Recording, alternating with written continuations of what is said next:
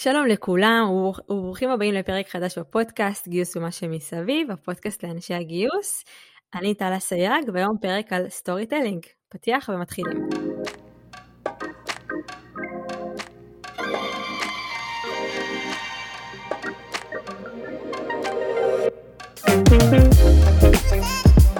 אז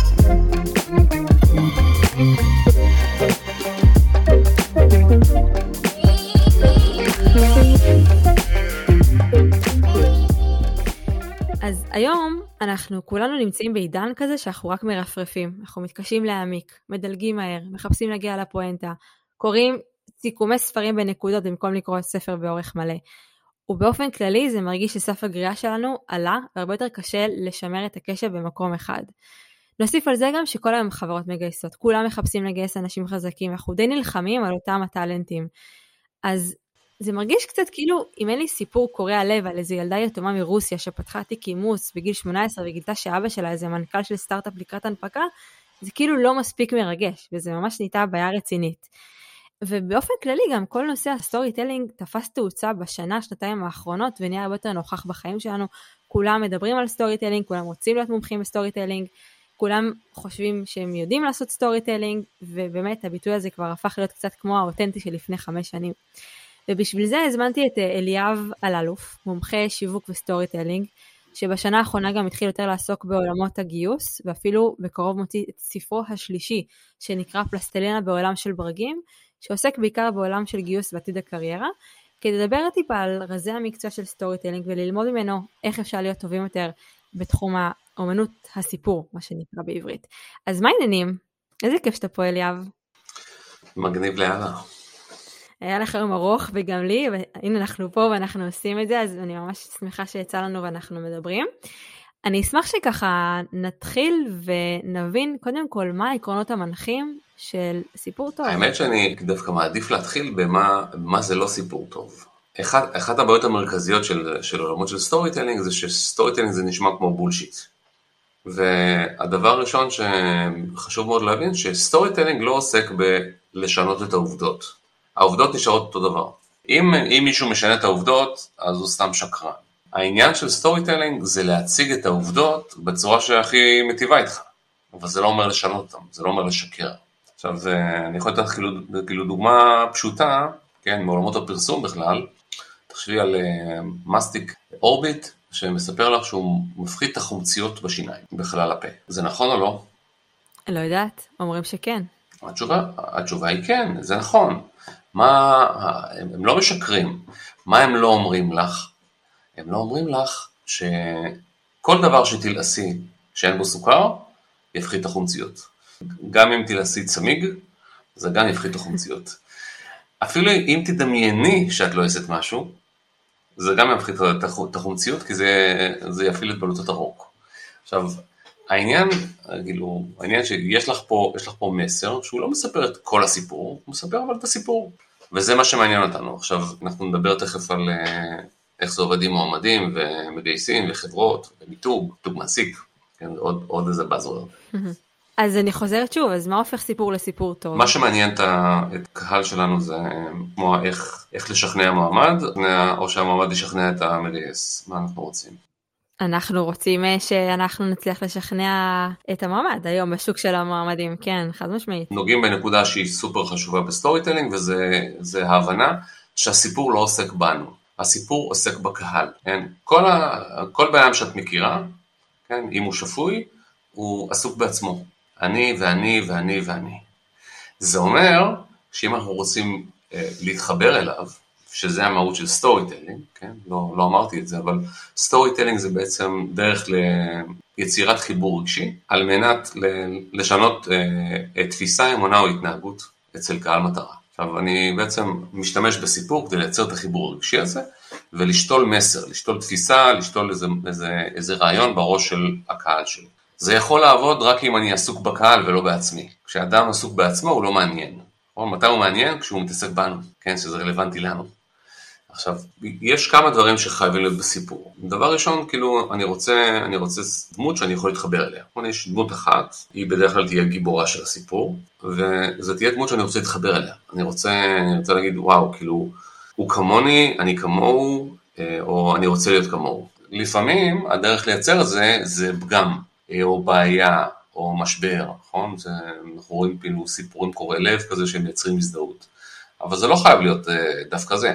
זה גם יכול להיות להראות שמישהו כמוני, לייצר שייכות, להראות שיש לנו חלומות דומים, שעברנו את אותו מאבק, לא לברוח למקום הטכני הזה של, אה, זה חייב להיות רק זה או חייב להיות רק, רק אחרת. אז מה שאתה בעצם אומר פה, שאני כמגייסת, לא צריכה שהסיפור יהיה עליי, על איך אני חווה את היום יום שלי בעבודה, אני צריכה לספר סיפור על הקהל היד שלי, אם כך. זה אומר שהסיפור, הסיפור לא עוסק בך, אבל הוא מסופר באמצעותך.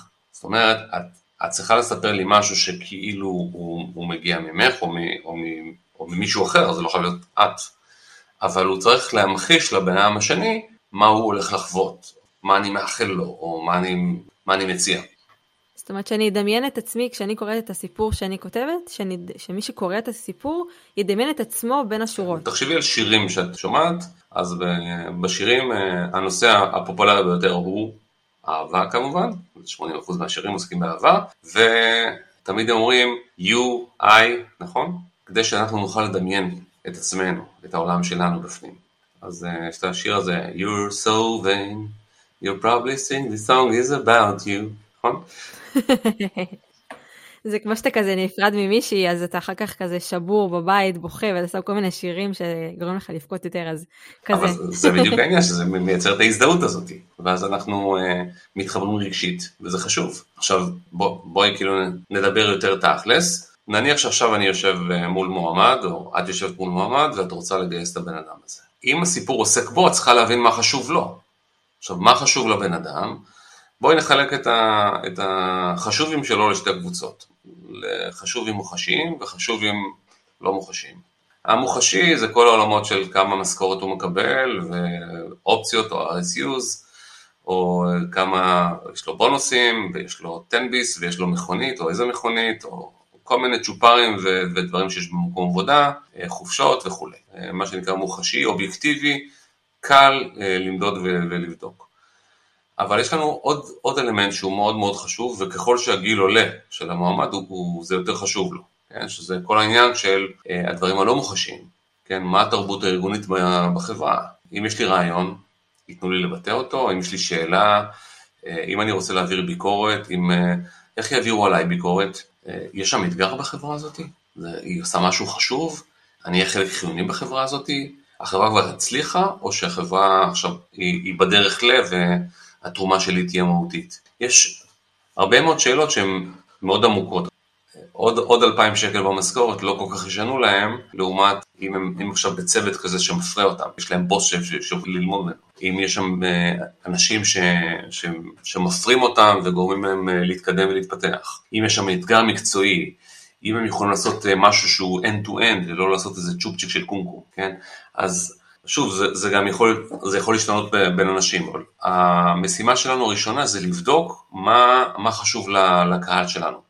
אני חושבת שאחד הדרכים להגיע למידע הזה זה בעצם דווקא לראיין את העובדים הקיימים, כלומר, כי בסוף אנחנו מחפשים לייצר אה, אנשים דומים אך שונים מן הסתם, אבל הרבה יותר קל להתחיל את המחקר הזה ולדבר עם העובדים שכבר גייסנו ולשאול אותם למה הם בחרו להגיע דווקא לחברה שלנו, שזה חצי דרך. קודם כל אני מסכים איתך, ואני גם אה, חושב, מהניסיון שלי בעבודה עם, עם כמה וכמה חברות הייטק, שהמגייסות כבר יודעות את זה.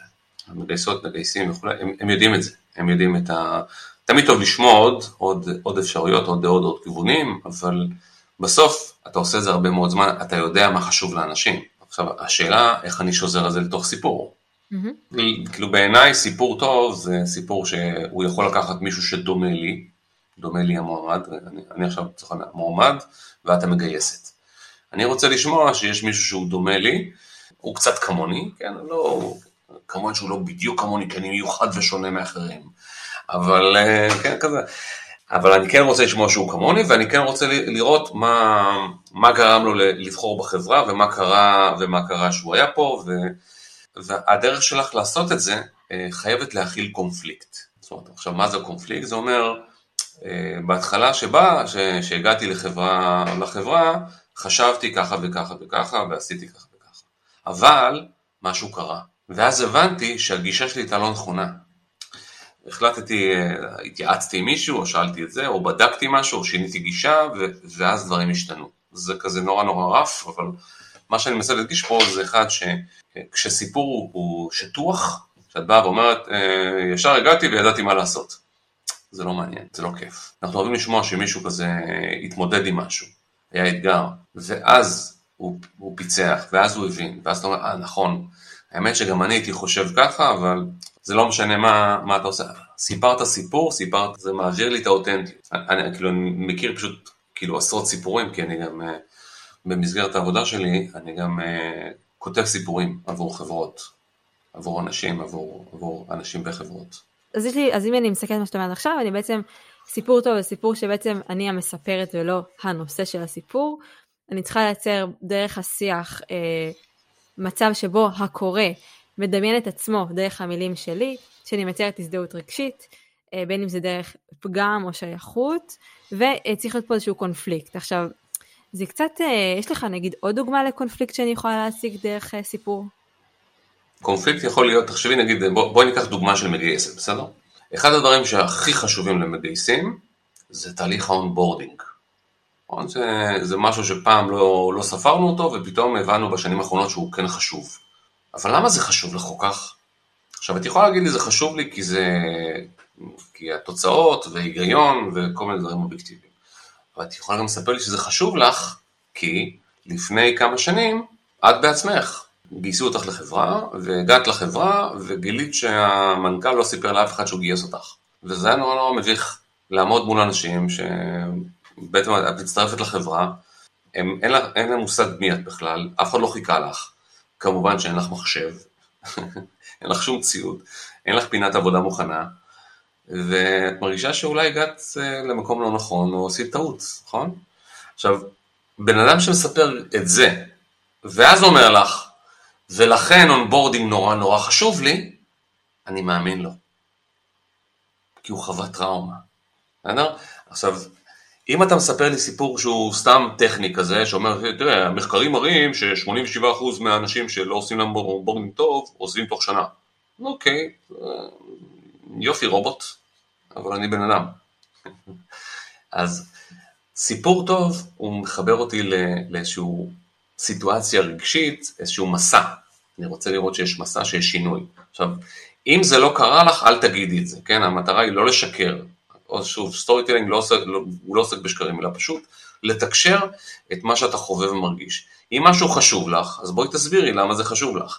אם משהו אה, יכול לשכנע אותי, אז בואי תראי לי אותו. למשל, נגיד שאין לך סיפור אה, מעניין כזה, מה את עושה? ואת רוצה לשכנע אותי, אז את, את יכולה לקחת אה, שלושה מקרים של, אה, של אנשים שעשו, אה, שעשו אונבורדינג, אונבורדינג uh, רע, אונבורדינג בינוני ואונבורדינג ממש ממש טוב, ולהראות מה קרה להם, איך שלושה אנשים שהם מאוד דומים, בגלל חוויית ה onboarding, זה עשה להם כמו רושם ראשוני רע בדייט ראשון. ואז את מראה, את מראה שבעין אחד זה שעבר לו את החוויה הרעה נמלט מהחברה אחרי שבועיים, זה שעשה onboarding בינוני, זה גם השפיע עליו על התחושה של, החיבור לחברה, והוא הרגיש שהוא כזה שהוא לא, לא, לא אחד מהחבר'ה, וזה שעשה את ה onboarding מצוין, הרגיש שישר מחבקים אותו ומקבלים אותו, והפך להיות לאחד מעמודי התווך של החברה. אתה יודע, אליאב, שלפעמים, אני מרגישה לפחות, שכשאני רוצה לספר נגיד סיפור טוב לקהל יעד שלי, שזה לצורך העניין מהנדסות ומהנדסים, לפעמים יש איזשהו, אתה אומר, אני צריכה למצוא פה איזושהי נקודה להזדהות, ושככה אנשים שמקשיבים לסיפור שלי ירגישו שהם, אה, שהם, שאני מדברת אולי אפילו בקולם במידה מסוימת, אבל אז נוצרת סיטואציה שבה אני בעצם מגייסת, אני מגיעה מעולם תוכן מאוד מסוים, וקהל היעד שלי הוא רחוק ממני, אה, בין אם זה בסגנון חיים, בין אם זה סגנון האישיות, איך, איך אני מצליחה לייצר חיבור לקהל יעד שהוא מאוד שונה ממני, כי בסוף אם אני לא הסיפור, ואני רק המספרת של הסיפור, אז איך אני מצליחה להנגיש ולייצר את החיבור הזה? אה, קודם כל זו שאלה מעולה. אה, אם אין לך חיבור אישי לקהל, אז את צריכה לספר סיפור על מישהו שיש לו. עכשיו, את לא צריכה לספר את הסיפור שלך בהכרח, כי בסוף מה שמעניין אותנו זה הקהל ולא את. אני ואת לא מעניינים אף אחד. מי שמתעניין בנו זה, כן, זה, זה מי שמרגיש שאנחנו מעניקים לו ערך. כן, סתם ככה, ב- ב- לא אכפת לאף אחד מה אכלתי צהריים היום, כן. אכפת להם רק אם אני אה, יכול להמליץ להם על המסעדה הזאת אה, עבורם. כן. חשוב להם לדעת בשבילם אם זה טוב או לא, Mm-hmm. לא כי אני אכלתי את זה. אה, אז חזרה ל- לדוגמה שלך. אם את עכשיו יושבת מול אנשים שמתמחים ב- באלגו, כן, אלגו דבלופרס, מה, מה לך ולזה? כן, אז את אומרת, אוקיי, אז את לא מספרת סיפור שלך, את מספרת סיפור של אלגו דבלופר ש, ש, שגייסת אותו, שעבדת איתו, שעזרת לו לטפח את הקריירה שלו, משהו ואם כזה. אני נגיד בן אדם מאוד מופנם או סגור, או שאני לא אוהבת לחלוק מהחיים האישיים שלי. זאת אומרת, אין, אין פה צורך בהכרח להיות נורא חשופה לכל העולם ואשתו, או לשפ... לשפוך את הלב שלי ממש לא, לפני אני- כל העולם בפרהסיה. כן. כן. גם כשאומרים כאילו אותנטיות, או לדבר על פגם או שייכות וכולי, זה לא חייב להיות עלייך. את יכולה לספר סיפור על מישהו אחר. כן, יש, יש אנשים שעשו קריירה מלספר סיפורים על אנשים אחרים ולא על עצמם. עכשיו, באיזשהו שלב אתה גם מבין שזה לא כזה נורא לספר על עצמך, הפוך. כן, טוב, זה עניין... אבל אתה לא, אבל אתה לא, אבל אתה לא חייב, זה ה... כאילו, ה, יש פה עוד כמה בעיות במונח storytelling. סיפור זה בדרך כלל משהו שאנחנו אומרים שכאילו הוא מומצא, זה משהו שהוא לא אמיתי, זה נכון? בדרך כלל סיפור זה משהו שזה, אתה אומר, "אה, הוא מספר לי סיפור, זה סתם קשקוש, כזה. אז זה אחד. ושתיים, יש לנו גם את הבעיה השנייה של, של, של telling, storytelling. אבל המהות של storytelling זה בעצם story showing. כדי לשכנע אותך, אני צריך שאתה תגיד לעצמך. אני אראה לך ואתה תשכנע את עצמך. אם נגיד, אה, כן, הייתי אה, בזוגיות כמובן, אבל אם הייתי רוצה נגיד, לז- אה, כאילו, לסדר לך דייט, והייתי אומר לך, תשמעי, יש לי להכיר לך בחור מצחיק. אז אנחנו יודעים שהוא לא נראה כזה טוב. כן, ולעומת זאת, אם הייתי אה, רוצה שכן תחשבי שהבחור נראה טוב, הייתי אומר לך, תראי, יש לי מישהו להכיר לך, אבל אני חושש כי הוא קצת סנוב. לא נורא, אבל קצת. ואז את יודעת שהוא חתיך. העניין הזה של, שאנחנו משלימים את הסיפור. אני שם, נגיד, מעלה תמונה של מכונית, למשל, פורש 911 טורבו. כן, אוטו שעולה 1.6 מיליון שקל. ואז אני שואל את הקהל בהרצאות, מי נוהג באוטו? גבר או אישה? עכשיו, אין שם, אין שם תמונה של, של נהג. כן, הם צריכים להמציא, לדמיין. ובמקרה של האוטו הזה, אנשים מדמיינים נהג. ואז אני שואל אותם, מה הגובה שלו? והתשובה הממוצעת היא מטר שבעים ושתיים. וואלה, עכשיו, למה? קודם כל, אנחנו לא יודעים למה, זה, אה, כן, בדקתי את זה על, על, על מאות אנשים, זה התשובה הממוצעת, מטר שבעים דווקא ושתיים. חשבתי שתגיד זה מטר תשעים, כי אתה יודע, יש כזה קונספציה שמישהו גבוה הוא גם מצליח, ומי שמצליח הוא עשיר, ומי שעשיר הוא קונה כזה רכב. אז רוב האנשים ש, שמסתכלים על כזה אוטו, הם חושבים אה, דברים של אה, מישהו שקיבל את הכסף, את הכסף מאבא שלו, או מישהו שהרוויח את הכסף בצורה לא ישרה. קטע. אוט- אוטו כזה מתקשר, ל, ל, ל, כמובן לא לכל האנשים, אבל לרוב האנשים, למישהו שהוא אה, קצת נפוליאון ומנסה לקבל תשומת לב וכולי. אני שואל הרבה שאלות, למשל, אה, יש לנהג תואר, יש לו תואר אקדמי, איזה שעון יש לו, אה, הוא מעשן, כן או לא, וכולי. אז והתשובות הן, אין לו תואר אקדמי, או אם יש לו זה משהו כזה מהבינתחומי, הוא מעשן כמובן, כאילו הדמות שיוצאת שם לא, מאוד לא מחמיאה. עכשיו, זה, זה ספציפית ל- לרכב הזה. מה שחשוב זה שיש יש לנו כבר את הסיפורים בראש. כן, לרובנו יש מלא מלא סיפורים בראש, אנחנו רק צריכים עזרה בלהוציא אותם החוצה. כן, עכשיו, מה שאני קורא סיפורים בראש, סוציולוג היה קורא סטריאוטיפים. אבל זה קיים בראש, ואחד הדברים שיפים אצל אנשים זה שאתה אומר, אומר להם את זה, אומרים לך, אצלי אין, אצל אחרים כן, אבל זה נקרא הטיית הכתם העיוור, יש לזה. ממש ביטוי. כן. המקרה שלי שונה, כן. אני לא כמו אחרים. אז, אז העניין ש... עכשיו, יש תרגילים שאני פשוט עושה את זה, ויש לי הרצאה שנקראת מוח קונה מוח מוכר, שאני ממחיש לאנשים איך הם חושבים אחרת, ממש עם אזור אחר במוח, כשהם קונים וכשהם מוכרים. כשאתה בא לקנות משהו, אתה, אתה מבוהל, אתה מפחד, אתה מחפש בעיות, כל הסטריאוטיפים צפים לך. כל הלמה לא. כשאתה מוכר, אתה מנסה להיות הגיוני ומנומק ואנליטי, ו... ואנחנו צריכים לזכור שמי שקונה, לא קונה בהיגיון בדרך כלל. עכשיו, זה לא אומר שהוא לא הגיוני בכלל, אבל מה שמניע אותו קודם כל, זה איזושהי תפיסה רגשית ראשונית, שהיא לחלוטין, אה, זה משהו שהוא לא מודע. אז מה שאתה אומר לי בעצם זה שאם עכשיו אני לצורך העניין כותבת איזשהו מייל אפילו למועמדים פוטנציאליים, אני לא צריכה להתבסס על כמה כסף גייסנו, אלא על כמה משמעותי הוא הולך להיות בארגון, או, כן. או מה יהיה האימפקט, או למה אנחנו צריכים דווקא אותו. כלומר, אתה מדבר פה לכוון יותר לרגש, ולא למספרים ולרציונל. לחלוטין את צריכה לחשוב במונחים האלה. זאת אומרת, את צריכה, אם את מדברת עם מהנדס, את צריכה להגיד לו, תשמע, ההצעה שלנו היא, אה, היא כנראה אטרקטיבית מאוד, אבל היא לא, היא לא היחידה שתקבל. כי, למה? כי אתה מצוין. אתה מצוין ואתה שווה את הכסף הזה. אבל יש דברים שאני חושב שאנחנו יכולים להציע לך שהם מאוד חשובים לך, שאולי לא קיבלו התייחסות במקום אחר. למשל, כן, יש, אה, אני למשל ראיתי אנשים שעבדתי עם חברה שאת מכירה, חברה גדולה מאוד, שגם כן, יוניקורן, הם נתנו לי רשימה של עשרה אנשים שסירבו להצעות שם. הצעות מדהימות.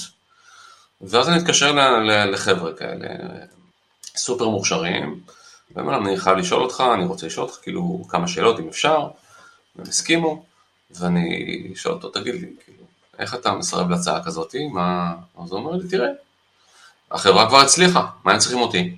זאת אומרת, זה בן אדם שהוא, שהוא טאלנט, שהוא מבריק, וחשוב לו מאוד להיות חלק מההצלחה. ומה שהם עשו, הם מכרו לו את החברה בתור חברה מוצלחת. עכשיו, אם החברה כבר מוצלחת, אז מה היא צריכה אותי? Hmm.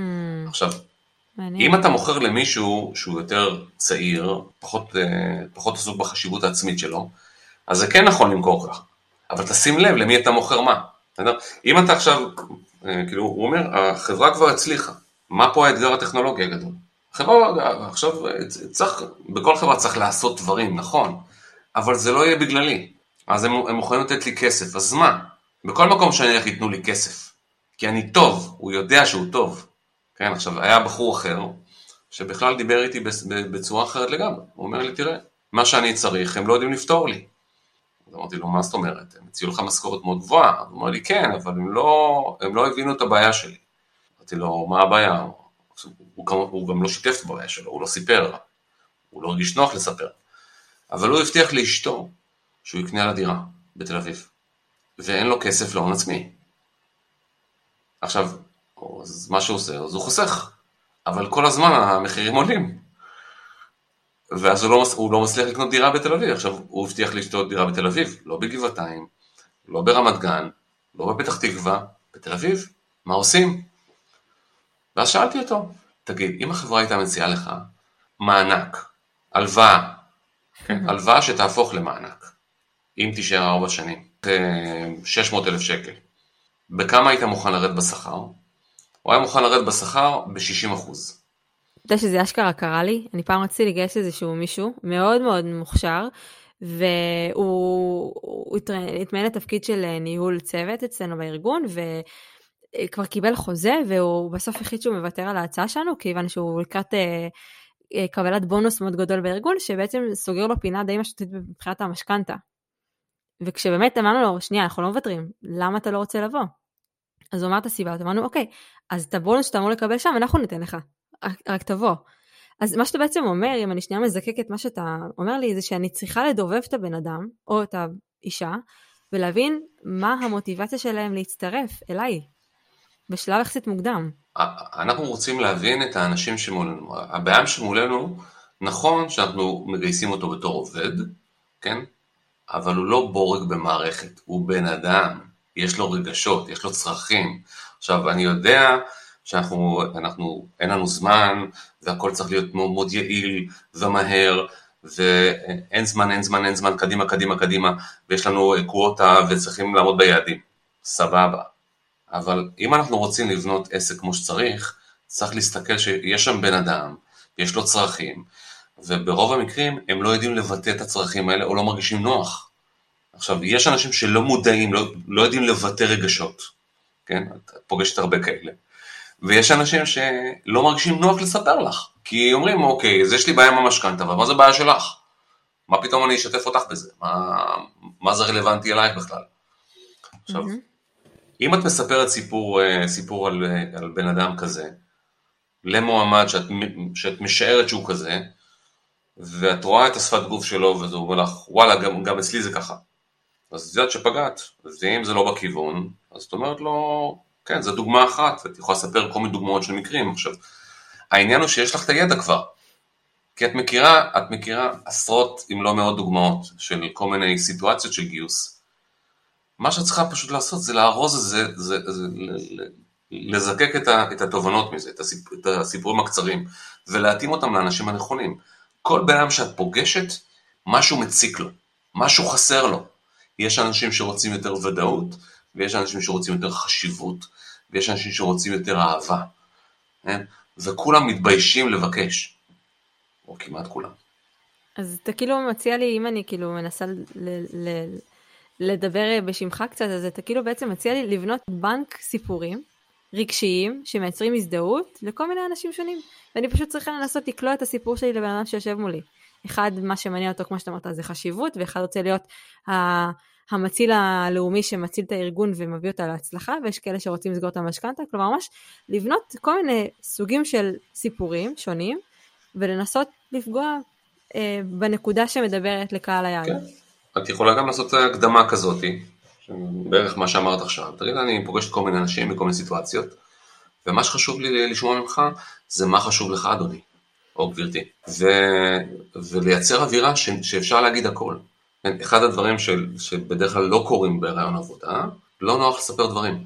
כי זה, הרעיון עבודה הוא מרגיש כמו, כאילו לפחות פעם זה היה ככה, זה היה נורא, האם אתה טוב או לא. וזה לא אם אתה טוב או לא, זה בבית ספר עשו לנו את זה, נכון? את הדבר המרושע הזה.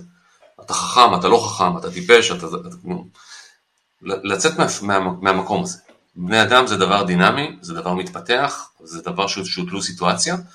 אנחנו צריכים לשאול רק דבר אחד, האם האדם הזה, עם הצרכים שלו, מתאים, מתאים לארגון שלנו, עם הצרכים שלו, בנקודת הזמן הזאת. יש התאמה או אין התאמה? הוא יכול להיות בעיה מצוין ולא מתאים לך. כן? אתה יודע שיש פה כמה נקודות שאני רוצה לדבר עליהן. אם עכשיו אני נגיד עובדת בארגון בינוני, תשמע, לא כולנו עובדות בסטארט-אפים מצליחים, לא כולנו עובדות ביוניקורנס כאלה ואחרים, כלומר, יש כאן גם לפעמים סיטואציה של בינוניות. לא בטוחה אם בינוניות זה הביטוי הנכון, כמו ארגונים שהם לא המובילים בשוק שרוצים לבוא אליהם. ואז מגייסת מרגישה קצת שיש לה קושי למכור את הארגון. מה אז אפשר לעשות? קודם כל, זה שהשתמש במילה בינוניות, זה מראה על state of mind. זה נקרא תפיסת עולם של משחק סופי. עכשיו, יש לנו הרבה מאוד דברים שאנחנו מנתחים את העולם, אנחנו רואים אותו דרך משקפיים של אנלוגיות ספורט ומלחמה. נכון, בספורט, דקה ה-90, נכון, צריכים אה, זה, לנצח, צריך לנצח, אתה ווינר, אתה לא ווינר, אתה, אתה לוזר, כל הדברים האלה. יש את העולם של מלחמה, שמדבר במונחים של אה, לכסח ולנצח ולהביס ו- ולכבוש. זה, אלה שני עולמות שהם נורא מבלבלים, כי הם לא קשורים לעסקים. הם לא קשורים לא לבני אדם ולא לעסקים. החיים שלנו הם משחק אינסופי, כן? כדי שהחברה שלך תנצח, לא כולם צריכים להפסיד. כן? אז זה לא כמו ספורט. בספורט, כדי שאני אנצח, את צריכה להפסיד, או להפך. אבל במציאות של עולם העסקים, תחשבי על זה, מתחרה הכי גדול של, של סמסונג, כן, בעולם המובייל זה אפל. מי הלקוח הכי גדול של סמסונג? מי, מי משלם לסמסונג הכי הרבה כסף? אפל. איך זה יכול להיות? הרי אפל זה האויב. זה לא אויב, כן? זה יריב. זה, זה גוף שהוא גם לקוח וגם, גם, וגם יריב עסקי, וזה בסדר. הוא לא אויב שלי. אני לא צריך שהוא ייכשל, כי אם הוא ייכשל אני אפסיד הרבה הכנסות. המתחרה הכי גדול של אפל בעולם המובייל זה אנדרואיד, נכון? גוגל. מי הלקוח הכי גדול של אפל? מי מכניס לאפל הכי הרבה כסף? גוגל. על פי הערכות 15 מיליארד דולר בשנה.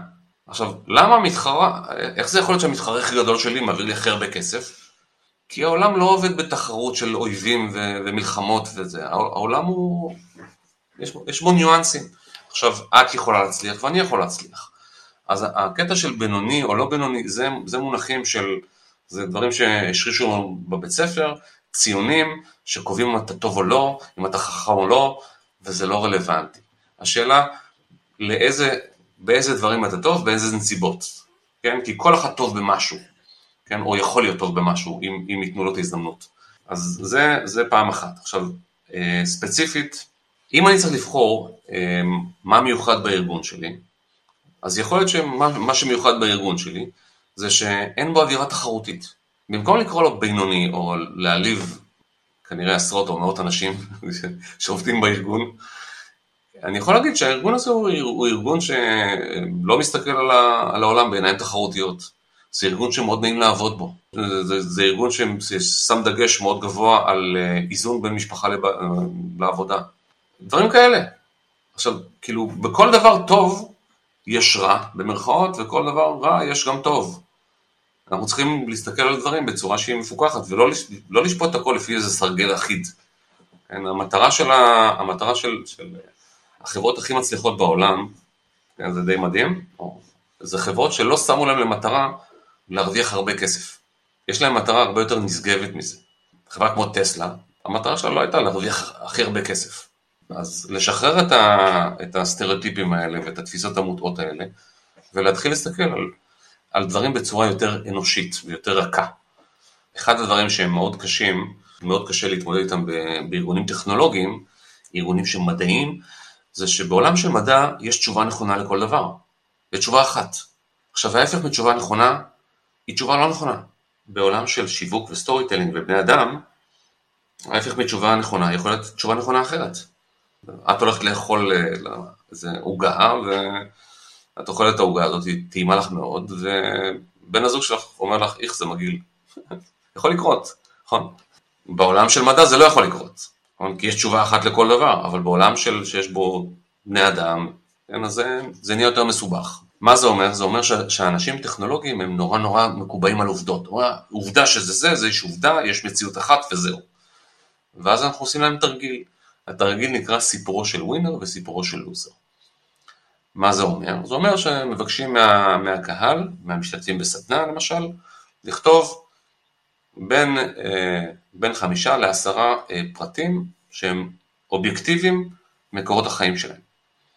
למשל, למדתי, ב, למדתי בטכניון, שירתתי ביחידה כזאתי, אה, עבדתי בחברה כזאת כך וכך שנים, ואני מתנדב בעמותת כן, דברים אובייקטיביים, עובדות, אי אפשר להתווכח על זה. אין שם סופרלטיבים ואין שם דעה. אתה לא אומר, הצלחתי, הצטיינתי, או... אין פה מקום לפרשנות, כן? רק עובדות. תרגיל שניים, ההמשך בעצם, החלק השני, זה היה, זה היה שאלה אחת. שאלה שתיים אומרת, עכשיו בוא תכתוב את סיפורו של לוזר. תיקח את העובדות שמופיעות בסעיף אחד, ותספר למה הבן אדם שמופיע בסעיף הזה הבעיה, תתאר אותו בצורה הכי נוראית שאפשר. עכשיו אתה אומר, כן, אבל הבעיה הזה היה לוחם ביחידה מיוחדת. הוא אומר, אוקיי, אבל למה לא היה טייס? הבעיה הזה היה טייס, כן, אבל הוא הטיס אה, מטוסי קרב או מטוסי תובלה? אה, מטוסי קרב, הוא היה מוביל רביעייה? לא. הוא הוביל אה, רביעיית F-35? אז הוא לוזר. לא משנה מה הוא עושה, הוא לא מספיק טוב. הוא למד, הוא למד בהרווארד, כן, אבל הוא עושה דוקטורט? לא, נו, לוזר. לא משנה מה, אתה מוציא אותו רע. סיפור נוראי, כן, קורע לב. אחרי זה שאלה שלוש. שאלה שלוש זה סיפורו של ווינר. אתה לוקח את אותן עובדות, בין חמש לעשר עובדות, ואתה מספר לי למה הבן אדם הזה הוא מתנת הבורא ליקום. למה אדם הזה הוא מבריק, הוא עילוי, הוא כנגד כל הסיכויים הוא הצליח, למה אדם הזה סופר מוכשר. כן, אה, איך בניגוד לכל הסיכויים הוא הצליח מבית פשוט ברחובות להפוך להיות אה, חייל מצטיין ב-8200, או לא משנה מה. ואז החלק 4 של התרגיל אומר, תסתכל על סיפור, סיפור 2, סיפורו של לוזר, ואז אה, תסתכל על סיפורו של ווינר, ותשאל את עצמך, האם מה שקובע בחיים זה עובדות? עכשיו, אתה כתבת שני סיפורים על עצמך, שונים, שונים בתכלית על בסיס אותן עובדות בדיוק. אז מה קובע? קצת העובדות, אבל הרבה הפרשנות. עכשיו, מה זה הפרשנות שלנו? storytelling, הסיפור שאנחנו מספרים. זה אחלה כלי כדי לשפר מיומנות storytelling, כלומר לקחת את זה ממש כאיזשהו טריק לעבוד עליו או לנסות אפילו לעבוד עליו בבית מבחינת אה, שיפור יכולות storytelling, לקחת סיפור עם עובדות ולנסות כל פעם לספר אותו בסיפור טיפה שונה ולקבל איזה תפנית בעלילה. דרך העובדות. תרגיל מאוד בסיסי, אבל הוא בא להחדיר לנו את העניין הזה בדיוק, של, ש, שאתה מבין שהמטרה שלך זה לא לשקר את העובדות, לא לשקר בעובדות, לא, לא להמציא עובדות שלא קיימות. לא... אה, כמו שאני אומצתי מרוסיה ופתחתי כן, את הקיבוץ. למשל, עכשיו זה אוקראינה דווקא. כאילו, העניין הוא לא לשקר על הזה, אלא לספר את הסיפור הכי טוב שאתה יכול במסגרת הנסיבות. כן. תגיד אליאב, אתה חושב שיש דרך לספר סיפור במדיה שונה? כלומר, האם אנחנו צריכים להעלות את אותו סיפור כל פעם בזווית טיפה שונה, בין אם זה באינסטגרם או בפייסבוק או בטוויטר? כלומר, כמה זה חשוב לשנות את הסיפור, או, או האם כולם צריכים להיות באותה צורה? יש, אה, יש משפט אה, אלמותי של מרשל מקלואן שאמר, The medium is the message. אני ממליץ שה, שהסיפור יהיה מותאם, ואני אומר, סיפור בכותרת למשל של ספר, הוא צריך להיות מזוקק לכותרת, ל, ל, למקסימום חמש מילים, כן, כזה קצר. אם אני מספר סיפור בטיקטוק, יש לי 15 שניות, נכון? זה, זה הלימיט שלי. אם יש לי סיפור של טוויטר, יש לי 280 תווים. כן? כל מדיה יש לה את המגבלה שלה. כן, עכשיו, אה, משהו שהוא ויזואלי, אני רוצה שאנשים יבינו. כן, אני לא, אני לא צריך להגיד להם כל דבר. כן, אה, זה, זה כמו בבדיחה, אתה לא מספר למה זה מצחיק. אנשים צריכים להבין למה זה מצחיק. בדיחה על ההוא שנוסע מירושלים לתל אביב, ואשתו מתקשרת אליו, והיא אומרת לו, איפה אתה? הוא אומר, אני בדרך הביתה. היא אומרת לו, תיזהר, אמרו שיש בכביש אה, ירושלים תל אביב משוגע שנוסע נגד הכיוון. הוא אומר לה, משוגע אחד? יש מאות משוגעים. עכשיו, עכשיו, אם הייתי מסביר לך שהוא זה שנוסע נגד הכיוון, כן, אז, אז מה, עכשיו, בהרבה מאוד מקרים, המשווקים, נכון, מי, מי שמוכר לנו דברים, גם מוכר לנו את הפואנטה, הוא אומר לנו, וזה טוב, אני אחליט אם זה טוב. כן, כלומר להשאיר את, ה, את ההבנה אצל הקורא. אתה יודע, יש ככה תמיד דילמה איפה הכי נכון אה, לפנות למועמדים, האם לפנות אליהם במייל, האם לפנות אליהם בלינקדין, האם לפנות בטוויטר, זו שאלה שחוזרת המון, כלומר איפה אנחנו עושים פה זבנג ופוגעים בכמה שיותר מועמדים. בניסיון שלך, איפה נכון בעיקר לפרסם סיפור אה, לקהל יעד שאנחנו מגייסים, בעיקר אנשי מוצר, אנשי פיתוח, אה, אנשים בכירים בארגונים בהייטק, מה אתה חושב אני, על זה? אני אגיד לך מה אני עושה עם חברות, זה משהו שאני גם מתפרנס ממנו. אני עובד עם חברות, אני לוקח את העובדים הכי מוכשרים בחברה, וכותב אה, סיפורים מטעמם. מה, מה זה אומר? זה אומר שאם עכשיו אתה, אתה ה-CTO של החברה, אז אני, אני בא, מראיין אותך, זה עוזר לך ל, ל, ל, לייצר סיפור, הוא יכול להיות קצר, הוא יכול להיות ארוך, אבל הוא יהיה סיפור ממש טוב. סיפור שאתה לא תדע לכתוב, אבל אתה יודע, אתה, אתה כן יודע, הוא שלך. ואז אתה מפרסם אותו במדיה שלך. עכשיו, אם, אם, אם ה-CTO הזה, מי הקהל שיקרא את הסיפור שלו? אנשים שחברים שלו בלינקדאין. מי זה האנשים האלה? כנראה שהם ברמה שלו, פחות או יותר, לפחות חלקם. כן, זאת אומרת שהאנשים ש... נכון. שעוקבים אחריו, הם כבר הטארגט אודיאנס. עכשיו, אם הוא מספר להם סיפור, והסיפור הזה אה, מעביר להם מסר, לא למה כדאי לעבוד פה, זה לא, לא יעבוד, אלא סיפור שמראה להם את, הצ, את הצדדים הלא מוחשיים של החברה. כל סיפור יראה, יראה אלמנט אחד. למשל, אם יש לך עכשיו שיטת ניהול שהיא שונה של, אה, של פיתוח. כנראה שזה מתאים לחלק מהאנשים, והאנשים כנראה היותר טובים ישמחו, ישמחו לשמוע על זה, ו, ו, אם הם יתחברו לפילוסופיה שלך, ואולי יסתכלו על החברה ויתעניינו. אולי כן ואולי לא. כן, אבל זה יבוא מהם. כן, עכשיו, להיות עוד אחד מעשרות אנשים שמציקים לי באותו שבוע ואומרים לי, יש לנו הצעה בשבילך, את לא מכירה אותי. מי את בכלל? מה את רוצה? למה החלטת שאני, שאני צריך את ההצעה שלך? אם את מייצרת מצב הפוך, שאת מושכת את הבן אדם אלייך, כן? דרך זה שזה, נקרא לזה, זה נקרא inbound marketing, כאילו שאנשים פונים אליך כי, כי מתעניינים במשהו. נניח שלא היית עושה את זה בצורה של uh, גיוס, גיוס מועמד, אלא היית אומרת, אני רוצה, uh, אנחנו נורא מתעניינים באנשים שמבינים את עולמות ה-whatever, סייבר, אנחנו רוצים uh, לייצר קבוצת חשיבה שתדבר על איך ייראה עולם הסייבר בעוד עשר שנים. היית רוצה להיות חלק מקבוצה כזאת? מעניין אותך? אם יש שיחה, אם יש עניין, אפשר גם להגיד, אוקיי, אנחנו אה, רוצים שת, שתעשה מחקר, נשלם לך על הזמן שלך. המחקר הוא על משהו שיקרה עוד עשר שנים, מחקר עתידי. מוצרים, מה שנקרא, כאילו תתפרע. איך, איך לעשות סייבר בחלל. עכשיו, אם בן כאילו כן, כן, כן מדבר איתך, כן, זה, זה, הוא כמובן, הוא, הוא ירצה לדבר עם CTO ולא עם מנהל חטיבה ולא עם מגייסת, זה לא, זה לא מתאים במקרה הזה, אז אתה מייצר, אתה מייצר שיחה אה, ממקום, ממקום של עניין מקצועי, ממקום של חיבור אישי, ממקום, כאילו, אתה, אתה רוצה לייצר את ה... לחזור למקום הזה של, של בני אדם. אם את, אם את תתייחסי לבן אדם כמו אשת מכירות, הם ירגישו כמו לקוחות שמנסים לדחוף להם מוצר. כן, עכשיו, זה ברור שיש לך יעדים, כן?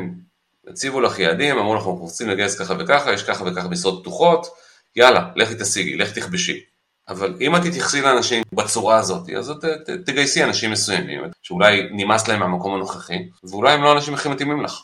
כן, אז בעצם מה שאתה אומר לי, מבחינת איפה הפלטפורמה הכי אידיאלית לפרסם, זה בעצם בכלל להשתמש בטארגט אודיאנס שלי, שזה לצורך העניין המפתחים שלי או מנהלי המוצר שלי, ודרכם לספר את הסיפור ולפרסם במדיות שלהם, ששם נמצאים גם קהלי היעד הרלוונטיים. אני מאוד ממליץ על זה, אבל אני לא אומר שזה הדרך היחידה או הכי טובה. בסוף יש לך, יש לך מכלול של דברים, אני ממליץ לעשות כאילו כמה שיותר דברים. יש סוגים של אנשים.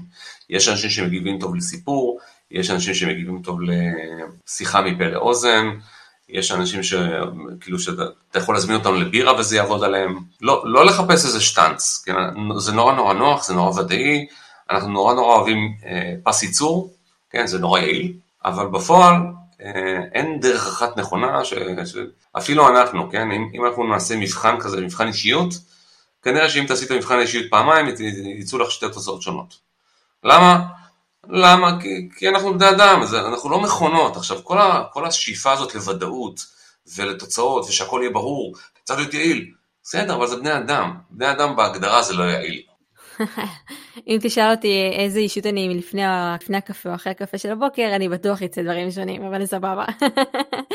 תגיד, אה, תגיד אליאב, תמיד צריך להיות איזשהו call to action, זה מרגיש כאילו כל הסיפורים, זה קצת נהיה כזה שטאנץ אגב שטאנץ, של מה דעתכם, או אם אתם מזדהים, או תגיבו, כאילו... לא, לא. מה אתה חושב על הקטע הזה של ה-call to action בכל סיפור שהיום הם כותבים אותו? לא יודע מה זה כל סיפור, אבל לא צריך לדחוף call to action בכל סיפור. בוודאי שלא. אה, יש דברים שהם משתמעים. אה, אני מאוד מאוד אוהב דברים שהם משתמעים, שאתה מבין אותם לבד. תן, תן דוגמה נגיד לסיפור כזה שזה משתמע בין השורות, ואני בעצם מפעילה לפעולה, מניעה לפעולה בכלל בלי להניע לפעולה בצורה ברורה. לפני, לפני שנים הייתי שותף להשקת אה, מותג שנקרא נוטרילון, תחליף מזון לתינוקות של טבע. ובחצי שנה הראשונה היה ממש ממש קשה. כאילו אנשים מפחדים, רמדיה וכולי, מוצר חדש, לך תדע. ואחרי חצי שנה החלטנו לעשות אה, מהלך של אה, קופון כזה, 20% הנחה. פרסמנו את הדף נחיתה עם קופון, ו-18 אנשים הורידו את הקופון. 18 אנשים זה, זה, זה יותר גרוע מאפס. כי אפס לפחות היית, אומר, אה, יש בעיה טכנית בדף נחיתה. 18, זה אומר שהקמפיין לא היה טוב. ואז אה, עשינו שינוי קטן בקמפיין, והשינוי הזה היה שהוספנו עוד שורה אחת לדף נחיתה. בשורה הזאת נכתב, מוגבל לשלוש יחידות לאדם. עכשיו, מזה אנשים הבינו שאחד משניים, או שאנחנו לא מרוויחים, או שאין הרבה כמות. אז, אז כדאי לנצל את זה. עכשיו, העניין הוא זה, זה להבין, יש כל מיני דברים ש, אה, שמפעילים אנשים. אחד זה למשל קומיטמנט, כן, הנטייה שלנו להתחייב לדברים. יש משהו אחר שנקרא, מה זה אומר להתחייב? למשל, אם אני אבקש ממך לעזור לי במשהו קטן, משהו ממש זניח, ואז אני אבקש לך לעשות משהו יותר, יותר גדול, את כבר לא תסרבי לי. ופעם שלישית, אני יכול לבקש משהו יותר גדול. מעניין. ואז כאילו, נגיד אתה פונה למועמד, אני רק צריכה משהו קטן ממך, רק, רק, רק תגיד לי אם, אם זה נראה טוב, או אם, איזה מחשב יש לך, מצוין, תגיד לי איך זה נראה על המסך שלך.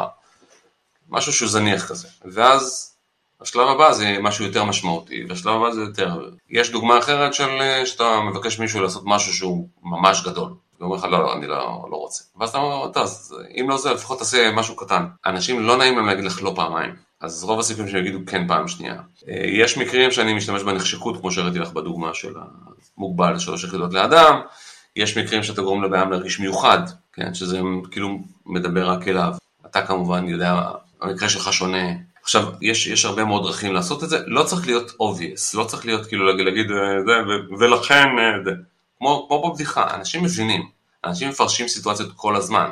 אם אני אגיד לך, כן, יש לי פה מוצר, מוצר מתקדם שרוב האנשים לא מצליחים להבין. אתה אומר, מה, אני הבנתי, סימן שאתה חכם, נכון? אבל אני לא צריך להגיד את זה. אתה אומר את זה לעצמך ואתה מרגיש חכם לבד, בסדר?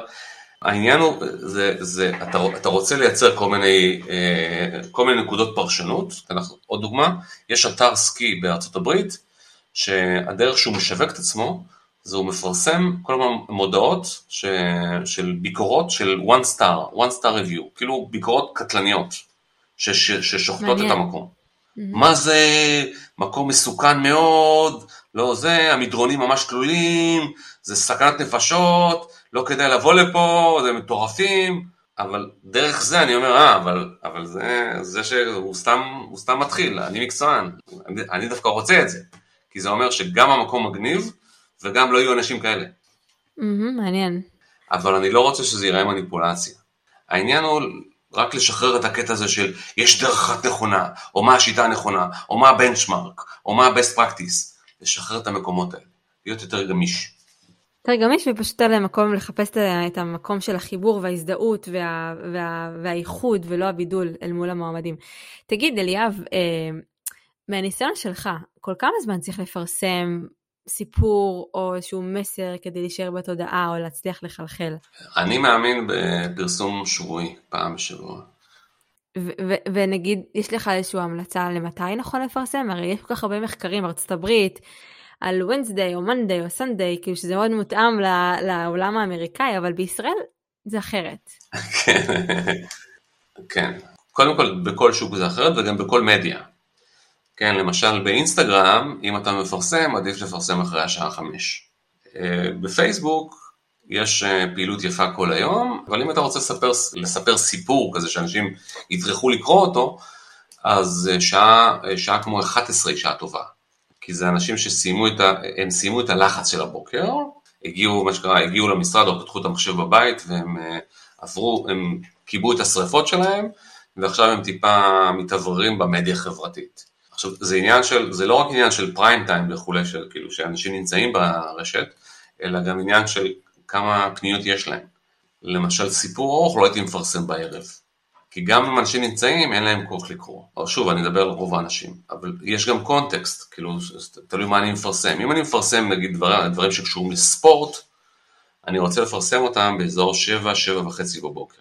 ואז אני אומר, כאילו, בוקר טוב לכל המתאמנים, דה דה דה דה, משהו כזה. ואז חצי מהתגובות זה, אני כבר אחרי מקלחת, נכון? אז אני מרוויח את אלה שמשוויצים לי. אם אני מספק אה, אה, נגיד איזה שירות שקשור ל dating, אני רוצה לעשות את זה אחרי חצות. עכשיו אתה אומר, אבל אחרי חצות יש פחות אנשים, זה נכון, אבל מי שנמצא באחת בלילה באינטרנט, רוב הסיכויים שיש לו בעיות בזוגיות, או שאין לו זוגיות. אז אני צריך גם להבין את הקונטקסט שבו, של הדברים. אם אני מפרסם אה, כאילו סרטון או, או טקסט, כל דבר משנה. עכשיו, מבחינת ימים, אם אתה רוצה לספר סיפור שהוא טקסט, שהוא טקסט והוא כבד, אז אתה רוצה לעשות את זה ב... זה נגיד יום שישי אחרי צהריים או יום, יום שבת בבוקר. יום שבת בבוקר, אה, אנשים שיש להם ילדים, if you're lucky, הילדים קצת ישנים, ויש לך את הקפה בבוקר בשקט, יש לך איזה רבע שעה של שקט בבוקר, אתה יכול לקרוא סיפור באינטרנט. אני מפרסם כל שבת בבוקר אה, טור שנקרא שלושה דברים שלמדתי השבוע. אני מפרסם את זה כבר, כבר חמש שנים. זה, זה טקסטים שהם לא פשוטים, זאת, אני מסכם ספרים, מחקרים וכולי. אנשים צריכים כאילו לקרוא בעיון. אם אתה רוצה אה, לעשות משהו שקשור למכירות, אה, מכירות, הנהלה לפעולה וכולי, מוצאי שבת זה הזמן הכי טוב. אה, בישראל, זה משהו מיוחד לישראל אגב, בין השעות 8 ל-11, mm-hmm. במוצאי שבת, מתרחש סדר גודל של 40 אחוז בשלוש שעות. הרבה מאוד אנשים עושים את הקניות שלהם בשעות האלה. אספר סיפור, זה גם, גם יום רביעי זה יום טוב, יום חמישי זה לא יום טוב. אנשים אה, בדרך כלל, יום חמישי בערב זה משהו שנתפס בתור בידור, כן, בעיקרון. גם דברים שאתה כותב, אם תכתוב דברים באזור השעות 7-8 אה, בערב, זה בדרך כלל נתפס כמו בידור. אם אתה רוצה תוכן שאנשים שהם הורים יסתכלו עליו, אז רצוי שזה יקרה בכזה שמונה וחצי, תשע, אחרי המקלחות וכולי. צריך להבין פשוט את הקהל שלך, עכשיו זה תלוי מול מי אתה פועל. עכשיו, הצורה שבה אתה כותב את התוכן, כדאי שהכותרת תהיה מאוד, אה, מאוד מושכת. כדאי מאוד שבכותרת יהיו סימני פיסוק. למה? סימני פיסוק מגדילים את ה engagement בין 10 ל-30 אחוז. אנחנו לא יודעים למה, אבל זה מה שקורה. למה? אנחנו לא יודעים למה, כן, זה, אין, אין לזה הסבר מדעי, אבל יש לזה תוצאות אמפיריות. עוד, עוד דבר שאין לו הסבר מדעי, זה שאם אני צריך לכתוב אה, שבעה דברים שלמדתי על משהו, או שמונה דברים שלמדתי על משהו, מה עובד יותר טוב? שמונה? לא יודעת. שבעה. למה? שבעה. למה? כי זה אי זוגי. אי זוגי מנצח זוגי. באמת? כן, גם לא יודעים למה. עכשיו, מספרים שלא עובדים זה 5 ו-10, כי, כי הם מאוד מאוד נדושים, הם בשימוש מאוד נרחב בתקשורת. ואז אני לא מאמין שאם אתה כותב לי עשרה דברים של משהו, אז אתה אומר, אה, זה לא עשרה דברים, זה סתם, זה גימיק, זה תוכן שיווקי. Hmm. אבל אם כתוב תשעה דברים, כן, אני כן מאמין לזה. עכשיו אתה אומר, רגע, שנייה, שנייה, שנייה.